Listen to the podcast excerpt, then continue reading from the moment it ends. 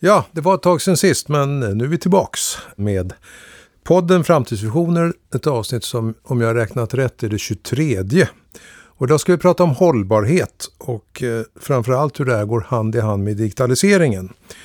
Och de som ska upp till bevis här, det är två tyrenare som ska presentera sig själva. Och jag heter Christer Insulander. Som vanligt är journalist och skriver en hel del om samhällsbyggnad. Och ja, vilka är ni? Ja, hej. Jag heter Ylva Berg och eh, min roll idag på Tyrens är som CIO. Jag har varit här snart ett år. Eh, om man blickar tillbaka så är jag civilingenjör i botten, faktiskt inom väg och vatten, men hamnade i IT-branschen i tio år efter det och har efter det jobbat i, inom drift och underhåll, facility management, som vi ser som den sista delen i vår värdekedja. Där jobbade jag som ansvarig för eh, digitalisering. Så att nu känns det superroligt att efter liksom 20 år göra en comeback här och få väva ihop det som jag då en gång i tiden har pluggat med, med att kunna driva digitalisering i den här branschen. Och vi har en kollega till dig här också. Ja, ja jag heter Per Lövgren eh, och är hållbarhetschef på Turens. Och jag började väl ganska exakt när Ylva började. Mm. Eh, så jag har jobbat ett år ehm, och jag har en bakgrund, kommer senast från byggbranschen, har jobbat med bostadsutveckling jag har jobbat i olika roller egentligen eh, genom min yrkeskarriär. Jag har jobbat som konsult, jag har jobbat inom med forskning, grundforskning, tillämpad forskning eh, och eh, som sagt olika roller. Eh, mycket inom hållbart byggande, så det är många aspekter av hållbarhet.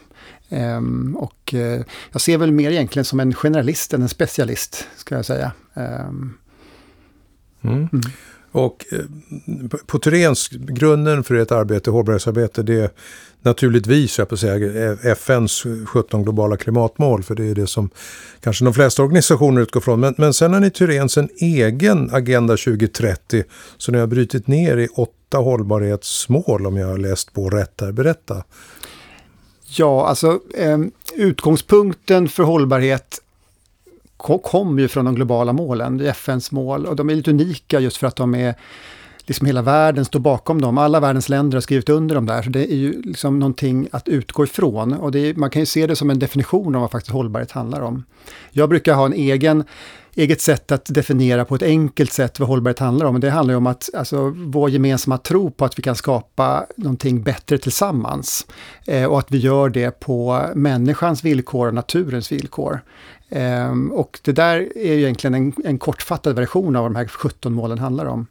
Sen har vi nu själva på Turens då eh, tittat på de här 17 målen och, och, och fundera på hur kan vi bidra till den här världens målsättning eller den visionen om det hållbara samhället till 2030. Och då har vi kokat ihop det till åtta en, egna mål då, som, som eh, visar på vilka områden som vi kan påverka, där vi kan bidra till den här, den här stora visionen om, om det hållbara samhället. Som byggsektorn kan bidra? Mm. Mm. Uh, och för bygg, byggsektorn har en, ja, en ganska stor miljöbelastning. Om jag förstått saken rätt. Mm. Ja, precis. Alltså, eh, man kan väl säga att, att eh, om man lyfter frågan ytterligare en nivå så, är ju, så står ju hela samhället inför många stora utmaningar kan man säga. Eller hur Ylva? Det, det är ju, vi har ju de här stora megatrenderna som, som, som egentligen visar Absolut. på alltså, de utmaningar vi står inför som samhälle och som, som värld egentligen. Ja, och jag brukar också ta utgångspunkt i, i, i de här stora makrotrenderna som vi behöver ta ställning till. Och det är ju allt ifrån ja, men globaliseringen, urbaniseringen, eh, vi har hela liksom, klimat problematiken med råvaruutvinningen och vatten och, de här delarna. Och det är ju det som, som vi liksom ytterst behöver hitta en lösning för. Och ser man då kopplat till vår värdekedja inom byggsektorn så står vi inför jag läste på här lite, men det är ändå så enorma siffror om man tittar till wasten som uppskattas till 50 till 100 miljarder varje år i, i, liksom, i ineffektivitet, hur vi jobbar tillsammans och bygger. Eh, en femtedel av koldioxidutsläppen står vår bransch för. Eh, 40 procent av energiförbrukningen, liksom globalt sett. Eh, och sen så inte nog med det, mer än 50 procent av alla byggnader globalt behöver, står inför stora renoveringar framåt. Och det är när man tittar, tänker på det här som jag känner att medlet för att kunna komma åt det här, försöka hjälpas åt, är ju jättemycket med, med digitaliseringens hjälp. Och det är väl också skälet till att, ett av flera skäl kanske till att ni samarbetar mm. mycket eftersom digi, du med digitalisering och du som hållbarhetschef. Men hur ser ert samarbete ut för att ni ska komma framåt i de här frågorna?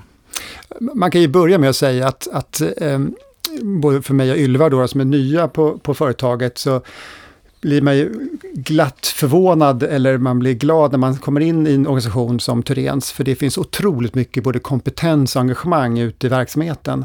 Och man kan säga, om man tittar på de uppdrag som vi gör åt våra kunder och mot, mot sektorn i stort, så, så är det en, en naturligt idag att man faktiskt jobbar ihop. Man jobbar med hållbarhetsfrågor, man, man använder olika digitaliseringstekniker och tekniker för, som hjälpmedel för att jobba med det här. Så det här, det här är ett naturligt arbete mm. som sker dagligdags skulle jag säga, hos, inom alla områden.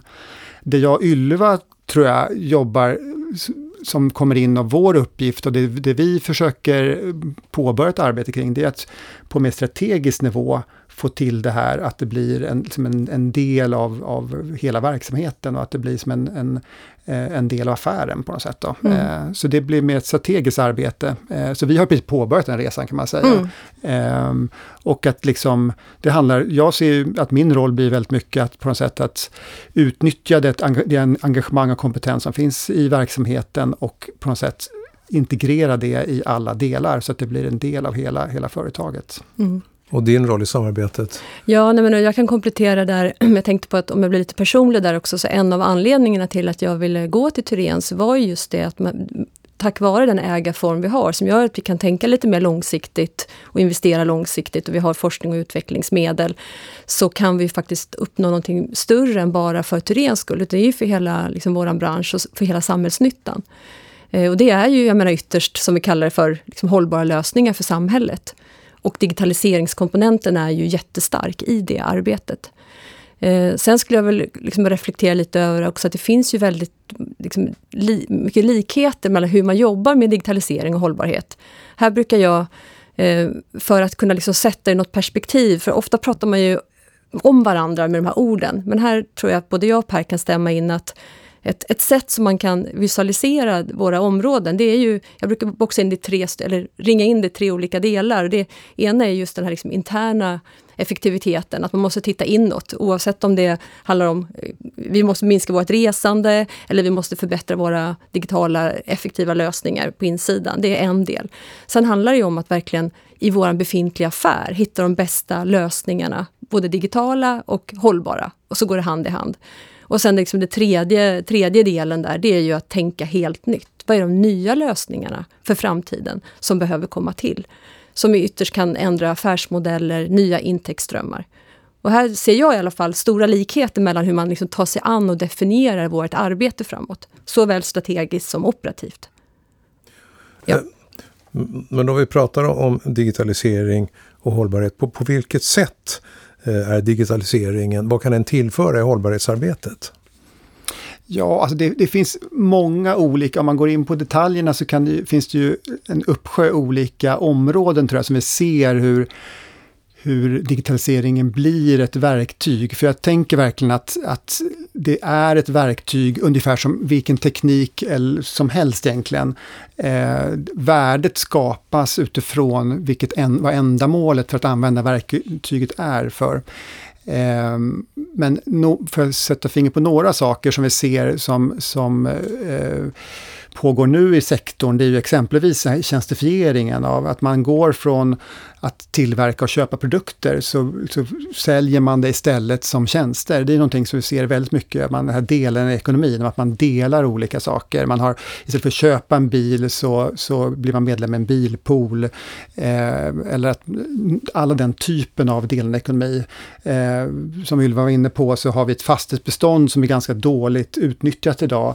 Kan man, ut, kan man be, utnyttja det befintliga beståndet eh, mer eh, och slippa bygga nytt egentligen. Då. Och det är också det skulle, det skulle, inte kunna komma till utan digitala hjälpmedel för att, för att kunna liksom analysera och hitta de tomma ytorna och utnyttja dem.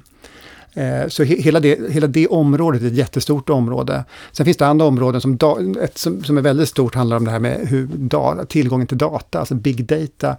Att man tillgängliggör data och utnyttjar data.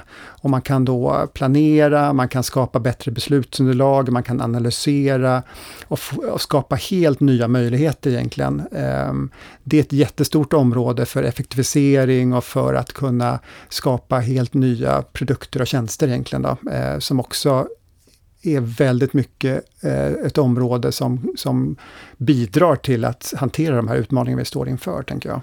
Mm. Jag kan absolut eh, haka på den. För det är en spaning jag gjort ganska länge, att just det här att jag, jag, kan förvånas lite över hur, ändå hur relativt lite fokus vi har på livscykelperspektivet när vi, i vårt byggande. Sen vet jag att det har ändå eh, det har ändå blivit bättre med åren, men det är fortfarande en väldigt lång bit kvar. Om man jämför med då, drar paralleller till, till till exempel IT-branschen, så har man ju 30-40 år alltid tänkt livscykelperspektiv på någonting man bygger. Och då handlar det om ibland att man får göra en avvägning att ofta investera mycket i början för att man vet att det här ska ändå vara up and running och driftas i 50 år. Ja, det kanske man inte gör med en IT-lösning, men definitivt liksom ett sjukhus eller ett hus. Och, och, just hur noggrant och viktigt det är att, att, och självklart att tänka livscykel. Medan då när vi bygger ett stora hus och broar och så, så är det fortfarande väldigt fragmenterat ifrån tidiga skeden genom designfasen, genom byggandefasen och sen ska någon förvalta det här i många år. Och, och eftersom jag då har jobbat i den här i bakre ändan, drift och underhåll, så kan jag säga att jag tror bara typ i ett enda fall under mina tio år på det bolaget som vi varit inbjudna att vara med i början, innan någonting skulle byggas eller byggas om. Med all den erfarenhet man faktiskt har, vad som är viktigt i, i den förlängningen. Och det tänker jag är någonting med, med, de här, med data och information. Här finns det ju enorm liksom, optimeringsmöjlighet. Det här är någonting som går tvärs genom våra silos som vi har faktiskt byggt upp, skulle jag säga, i form av företag i, i, i den här värdekedjan.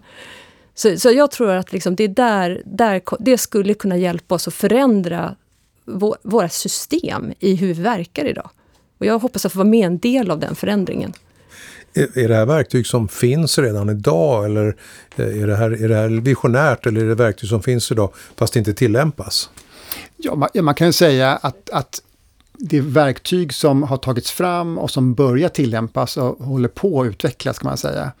Eh, så det finns ju exempelvis det här med BIM, alltså, information, alltså informationsmodellering av olika slag, både byggnader och, och fastigheter och det finns även geobim, eh, som man tittar på underjords, hur man då ser på underjorden. Eh, allt det är ju egentligen ganska nytt, men det börjar tillämpas och det går i väldigt, väldigt rask takt egentligen att man börjar tillämpa det här. Så, så allt det här skapar ju helt nya möjligheter. Ett av de viktigaste hållbarhetsfrågorna enligt mitt perspektiv, det är det här med cirkulär ekonomi och det handlar om mm. hur vi utnyttjar de resurser. Vi använder otroligt mycket resurser i samhället idag. Och Sverige är ju en av de länder som använder mest resurser per capita. Vi använder 24 ton per capita år. Snittet i EU är, är 13, alltså vi har nästan dubbelt så mycket resursanvändning i, i, i Sverige. Skulle hela jordens befolkning använda lika mycket resurser som vi svenskar, då skulle vi behöva fyra jordklot. Och därför blir det här cirkulära materialflödena så otroligt viktigt. Idag har vi linjära materialflöden där vi, där vi utvinner nya resurser, vi använder dem, så slänger vi dem på hög. Eh, och istället måste vi börja tänka cirkulärt. Hur kan vi återanvända, återvinna material? Eh, och det kräver helt nya, det kräver de här nya den här informationen och att man standardiserar saker. Hur kan man använda saker? Hur uppfyller en gammal byggdel de kvalitetskrav som för att kunna användas i en ny byggnad och så vidare. Eh, allt det här kräver data och märkning och det här kräver liksom datasystem för att, för att hantera det här. Det kräver digitalisering. Och det som Ylva också brukar prata om, det här, de här obrutna informationsflödena mm. genom värdekedjan. Det är också någonting som då krävs för att vi ska lyckas med den här omställningen till cirkulärt tänkande. Eh, så det är mycket av det här digitala byggstenarna som krävs för att vi ska kunna skapa de här, att göra den här förändringen av, av, av hur vi bygger Men, vårt samhälle. Eh, eh, som, Får jag flika in på ja. det? För att jag skulle säga så här att eh, mycket av tek tekniken finns. Det är inte det som är problemet. Och det, är det, här, det stora problemet för oss, det är att vi måste börja tänka nytt som människor hur våra affärsmodeller ser ut, hur våra eh, bolag ser ut, hur vi jobbar, hur vi samarbetar och inte. Det är, jag skulle säga, för att få det här att funka så är det 5% teknologi, 95% förändring utifrån den mänskliga faktorn. Det är då- det som är det svåra och det är det också vi måste prata om för att få det här att hända. Annars kommer vi jobba med de här verktygen i samma gamla cementerade stuprör som tidigare.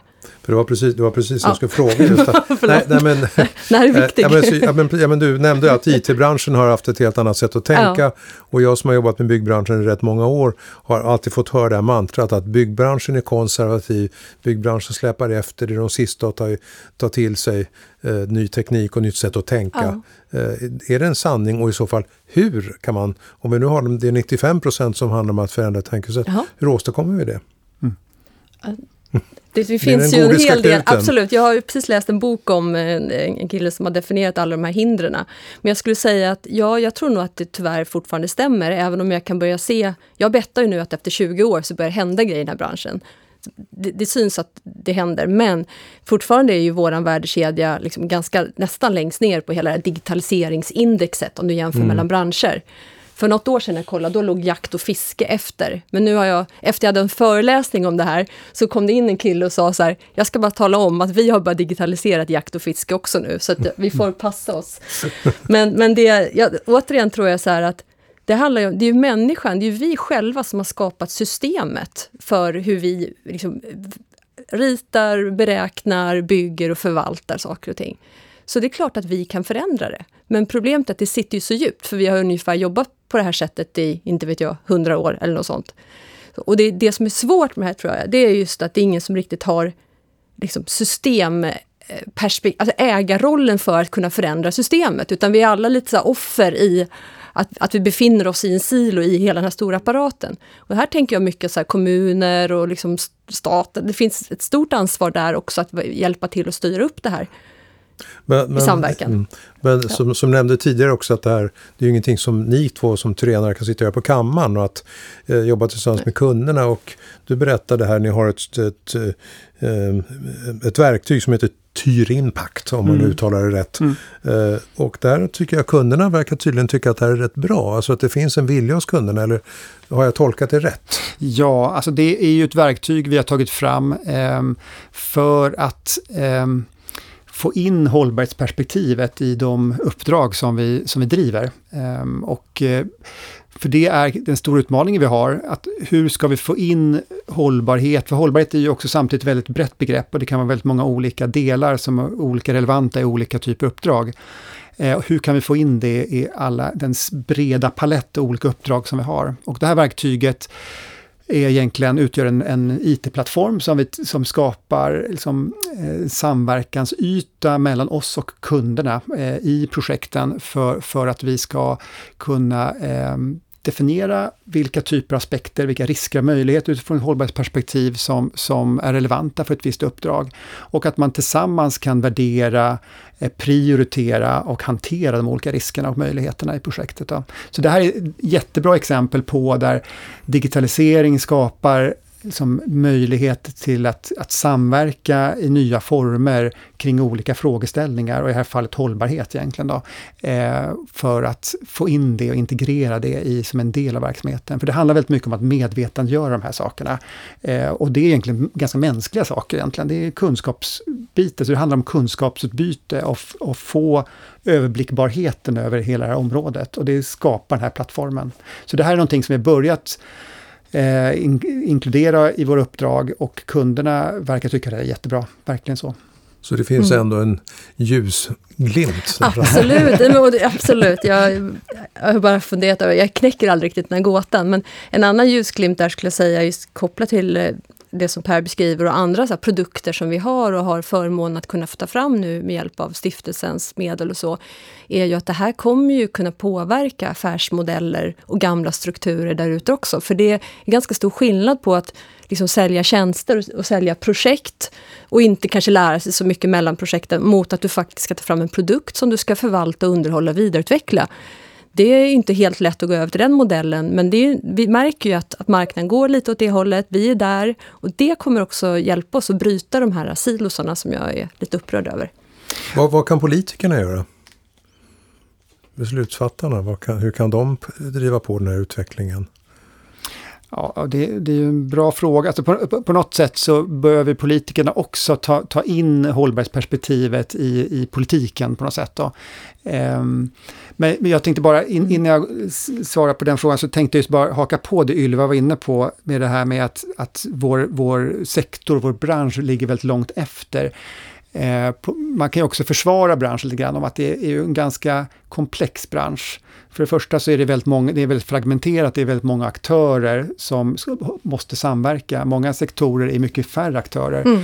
Vi jobbar också med, med produkter som ska, som ska finnas väldigt lång tid, alltså infrastruktur. Det är väldigt långlivade produkter. Gör man ett fel idag i planeringen så kommer, blir det väldigt kostsamt att ändra någonting om 20, 30, 40 år. Eh, så det finns många aspekter som, gör, alltså, som förklarar att det är en trögrörlig sektor och bransch. För det måste nästan vara det. Och då är det såklart när det plötsligt kommer en sån här trend som kräver snabb förändring. Mm.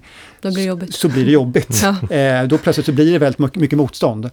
Eh, så, så, men men, men i, i, politiken så tror jag att, att, att det handlar väldigt mycket om att man eh, för det första så tror jag att mycket av hållbarhetstrenden idag drivs väldigt mycket av en marknadsmässig eh, drivkraft, där vi ser att aktörer, enskilda aktörer vill göra, göra bättre och det finns en lönsamhetsaspekt som visar att, att det faktiskt är många gånger lönsamt att jobba med de här frågorna.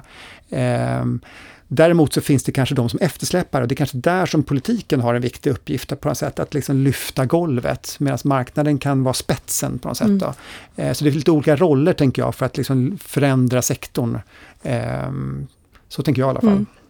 Ja, nej, och jag, jag håller med. Eh, och sen tänker jag att med regelverk och policies och sånt kan man också styra saker och ting. Så jag tänker att eh, utifrån ett politiskt perspektiv så, så skulle man ju också kunna se över den här, när jag pratar om livscykel också, se var någonstans lönar det sig att gå in och tänka lägsta pris i varje situation och vad är det faktiskt så att man kanske ska uppmuntra till en samverkan för att det är värt ett mycket högre, en högre investering i början för att få en totalt sett lägre mm. investering över tid här tycker jag att det, det behöver innoveras. Mm. Och det där är ju inte byggsektorn unik, just att Absolut folk inte. vill inte, vill ta, inte ta de stora investeringarna och se långsiktigt. Nej, men för det, för det handlar ju också om att skapa incitamenten, tänker jag. Exakt. Och det, och det, är det som politiken kan hjälpa till med. Ja. Och det kan man göra med att, liksom, att lagstifta, att man måste göra någonting, men det kan också skapas liksom, både juridiska och ekonomiska styrmedel för att, för att stärka de här, mm. de här delarna som, som det kanske behöver en puff.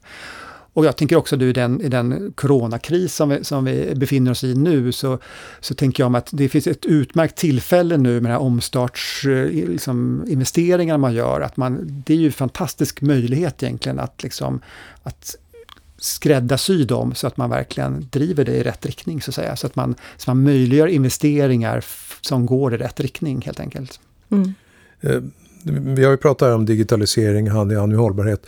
Men kan man också se exempel på motsatsen? Alltså det är ju ett man, man pratar om greenwashing ibland, att företag eh, försöker marknadsföra sig genom att vara så miljövänliga, men fast de kanske inte, inte alltid är det. Och mm. eh, finns det några exempel där digitalisering faktiskt kanske används som ett argument för hållbarhet, men i själva verket är kontraproduktiv? Mm kontraproduktiv. ja, precis. Det, ja, nej, kan det vara så? Ja, jag, jag kan börja Per. Vi, mm. Det här mm. har vi pratat mycket om tidigare. Eh, men jag tror absolut att, eh, att det är så att menar, alla vill ju ha sin fina hållbarhetsredovisning såklart. Eh, men jag, jag, jag, är inte så himla orolig för att det... Jag tror om man har en, en, en smutsig affär bakom så ser man igenom det ganska snabbt. Eh, transparens är ju någonting som efterfrågas också. Utan jag tänker mer att det som vi står inför eh, är ju det här kring etiska dilemman som kan, som kan uppstå. Eh, och där behöver vi ju hela tiden balansera och diskutera. Och några exempel, vi pratade lite om det här tidigare då, men det är allt ifrån eh, eh ja, men det här med integritet. Hur mycket data vill du faktiskt ge ifrån dig om dig själv och inte? Eh, det är någonting som i vissa fall när jag går hem en mörk kväll skulle vara ganska glad över om någon övervakar. Å andra sidan så andra stunder vill jag inte alls att någon ska se mig. Det är no definitivt något vi behöver diskutera. Eh, vi har eh, allting blir mer och mer digitalt. Det blir ju säkerhetsproblematiker eh, kring cybersecurity som kan användas emot oss. Det är någonting vi behöver hela tiden balansera också. Vi vet att eh, med hjälp av machine learning och AI så påverkar det våra eh, vissa delar av våra jobb. Eh, vilka är de då? Vill vi det eller inte? Också ett sånt dilemma. Så jag tror att det är egentligen framförallt de man behöver se och eh, ja, balansera. Mm. Så vad säger du? Ja, ja, för det kräver ju en diskussion tänker jag. För mm. det finns inga liksom, svart och vitt här, utan det skapas olika typer av... Det, det gäller ju bara in, inom hållbarhetsområdet, så, så om man skrapar på ytan, man, alla kan ställa sig bakom att hållbarhet är bra, men börjar man skrapa på ytan och, gå, och titta på en detaljnivå ner, så blir det ofta massor med eh, målkonflikter av olika slag, där olika aspekter ställs mot varandra. Och det är samma sak här, tänker jag, med de här etiska dilemman, som kanske egentligen är ett, ett, liksom ett bättre bättre sätt att beskriva de här, att det är fel riktning kan man diskutera om det är, men som inte styr, för ytterst handlar det om, styr utvecklingen mot de globala målen eller inte? Mm. Kommer det människor till del till, till, på ett bra sätt eller inte? Det är ju det som är grundfrågan. Och, och eh, de här frågorna som, aspekterna som Ylva tar upp är ju, är ju tycker jag, jättebra, för, för det, det är saker som, som, som blir etiska dilemman som inte har naturliga svar, utan det är en avvägning, man måste diskutera en lämplig kompromiss på något sätt mellan de här olika, individens integritet kontra liksom, möjligheterna som den här datainsamlingen skapar. Var går gränsen? Och det mm. finns inget naturligt svar på det. Eh, men, men någonting som jag är väldigt intresserad av, som också blir väldigt mycket av en hållbarhetsfråga kopplat till hela digitaliseringen och hela teknikutvecklingen egentligen, det är ju är ju liksom vem, kom, vem får ta del av digitaliseringens nyttor och onyttor på något sätt. Då? Hur, hur kommer man kunna fördela det bland alla människor? Eller kommer det bara vara ett fåtal som kommer dra nytta av det här och kunna liksom eh, kommersiella, liksom på något sätt eh, eh nyttja medan andra människor tappar sina jobb och liksom får, får, får eh, ta del av liksom, utvecklingens baksidor. För det finns ju baksidor och framsidor av den här utvecklingen, givetvis. Så på något sätt så handlar det om he hela det här systemsynen kring vad som, vilka nyttor och onyttor som skapas och hur de fördelas mellan olika grupper i samhället. Mm. Jag, jag, älskar ju konkreta exempel ja. det, som gammal journalist. Ja. Har du några, några exempel på det här? Som... Ja, men jag har ett, som jag, ett sånt där litet etiskt dilemma som jag inte riktigt har landat i själv nu, men jag tänkte vi kan väl ta upp det. Och det är ju det här med, det är ju högaktuellt just nu med att Amazon är på väg in i, i mm. Sverige. Mm. Eh, och jag är ju själv, liksom, om man tittar hur de har skapat, eh, Jeff Bezos har skapat sitt företag, så är det ju fantastiskt imponerande hur han har lyckats bygga upp det här. Men tittar man på vad innebär det här egentligen då, då för, för oss när, när Amazon kommer? Och då har jag grottat ner lite i det och då ser man ju att den stora marginalen de gör på sin affär, det är ju kring deras datacenter och kapacitet där man får hyra in sig. Där har de en enorm potential, eller marginal ska jag säga. Det de använder den, delar av den marginalen till, det är ju att liksom kunna sänka priserna på sina produkter. Som då är väldigt mycket prylar som inte då kanske är det bästa för vår miljö. Mm. Eh, så det är en aspekt. Den annan aspekt av det är ju att Amazon är ju bra på de här ekosystemen. Så det gör ju att när de går in så är det ju väldigt lätt att våra liksom, eh, ah, handlare och delar i ett ekosystem slås ut ganska lätt. För man har inte en chans då vad gäller liksom prisnivån och konkurrenskraften. Och det påverkar ju våra städer och, våra, och jag tycker det, där liksom, det, det känns lite obehagligt att vi inte riktigt då har tänkt igenom det etiska dilemmat. Vad blir följdeffekterna och hur borde vi agera på det utifrån vår sida. Eh, och där tänker jag, det här behövs ju liksom politiker och man måste ha en debatt och en diskussion kring det här för att kunna ta ställning till det. För att det som händer är att många kommer slås ut. Och vill vi det verkligen? Det vill, jag vill nog inte det. Ja, och egentligen så, och det handlar inte bara, Amazon är ett av för, de här exempel. stora, men alla de här stora techbolagen, är ju, liksom, det är ett fåtal jättelika globala techbolag idag mm. som dominerar totalt liksom, världsekonomin. Ja. Eh, och, och, och, då kommer vi tillbaka till den frågeställningen jag hade, liksom, hur, hur, hur, hur koncentrerad blir den här teknikutvecklingen eh, och hur, hur pass väl fördelas mm. den, de nyttorna på något sätt? Mm. Och, det, och, det, är ju en jätterelevant fråga. Mm. Och jag har inget svar på, liksom, utan det, det, är ju verkligen ett, men det är ett etiskt dilemma ja. hur man än vrider och vänder på det. Eh, och det är inte helt enkelt Nej. hur man ska liksom, hantera den frågan. Men att om, diskutera den, det är väl mm, det som är det viktiga. Absolut. Om, om man för mm. över det etiska, nu är jag inte riktigt klar själv på vad jag tänker här, men om man försöker överföra e- etiska dilemma på byggsektorn, där ni verkar, hur, mm. hur vilka, vilka eh, ärenden behöver ni diskutera och hantera där? För att eh, Amazon Det är ett annan, Ja, det är en annan annan typ, av typ. verksamma verksamhet. Absolut. Men många etiska frågor har vi gemensamt. Men ändå, så flera av de här techbolagen, även fast de inte kommer från byggsektorn, så har de ganska lätt att göra ett insteg i byggsektorn och konkurrera egentligen med de befintliga aktörerna. Så, så morgondagens byggaktörer eh, kanske något helt annat än dagens. Mm. Och det är mycket möjligt att, det, jag ser inte att det är alltför otroligt att även de kommer, och de har redan börjat kan jag säga. Men Apple Home har ju, de har ju den här hem, den eh, smarta hemutrustning och de bygger eh, takpannor med solpanel integrerat. Alltså, så de, de, även ett sånt företag som man inte alls uppfattar som en delaktig i byggsektorn eh, tar sig in Mm. på ett ganska enkelt sätt. Jag tror absolut vi måste se dem som en relevant Ja. spelare framåt eh, utifrån det här med data, att kunna samla på sig mycket information och data. Och det har vi sett liksom inom, inom FM, där man ser byggnader där man samlar på mycket data, där är de redan och snokar. Ja.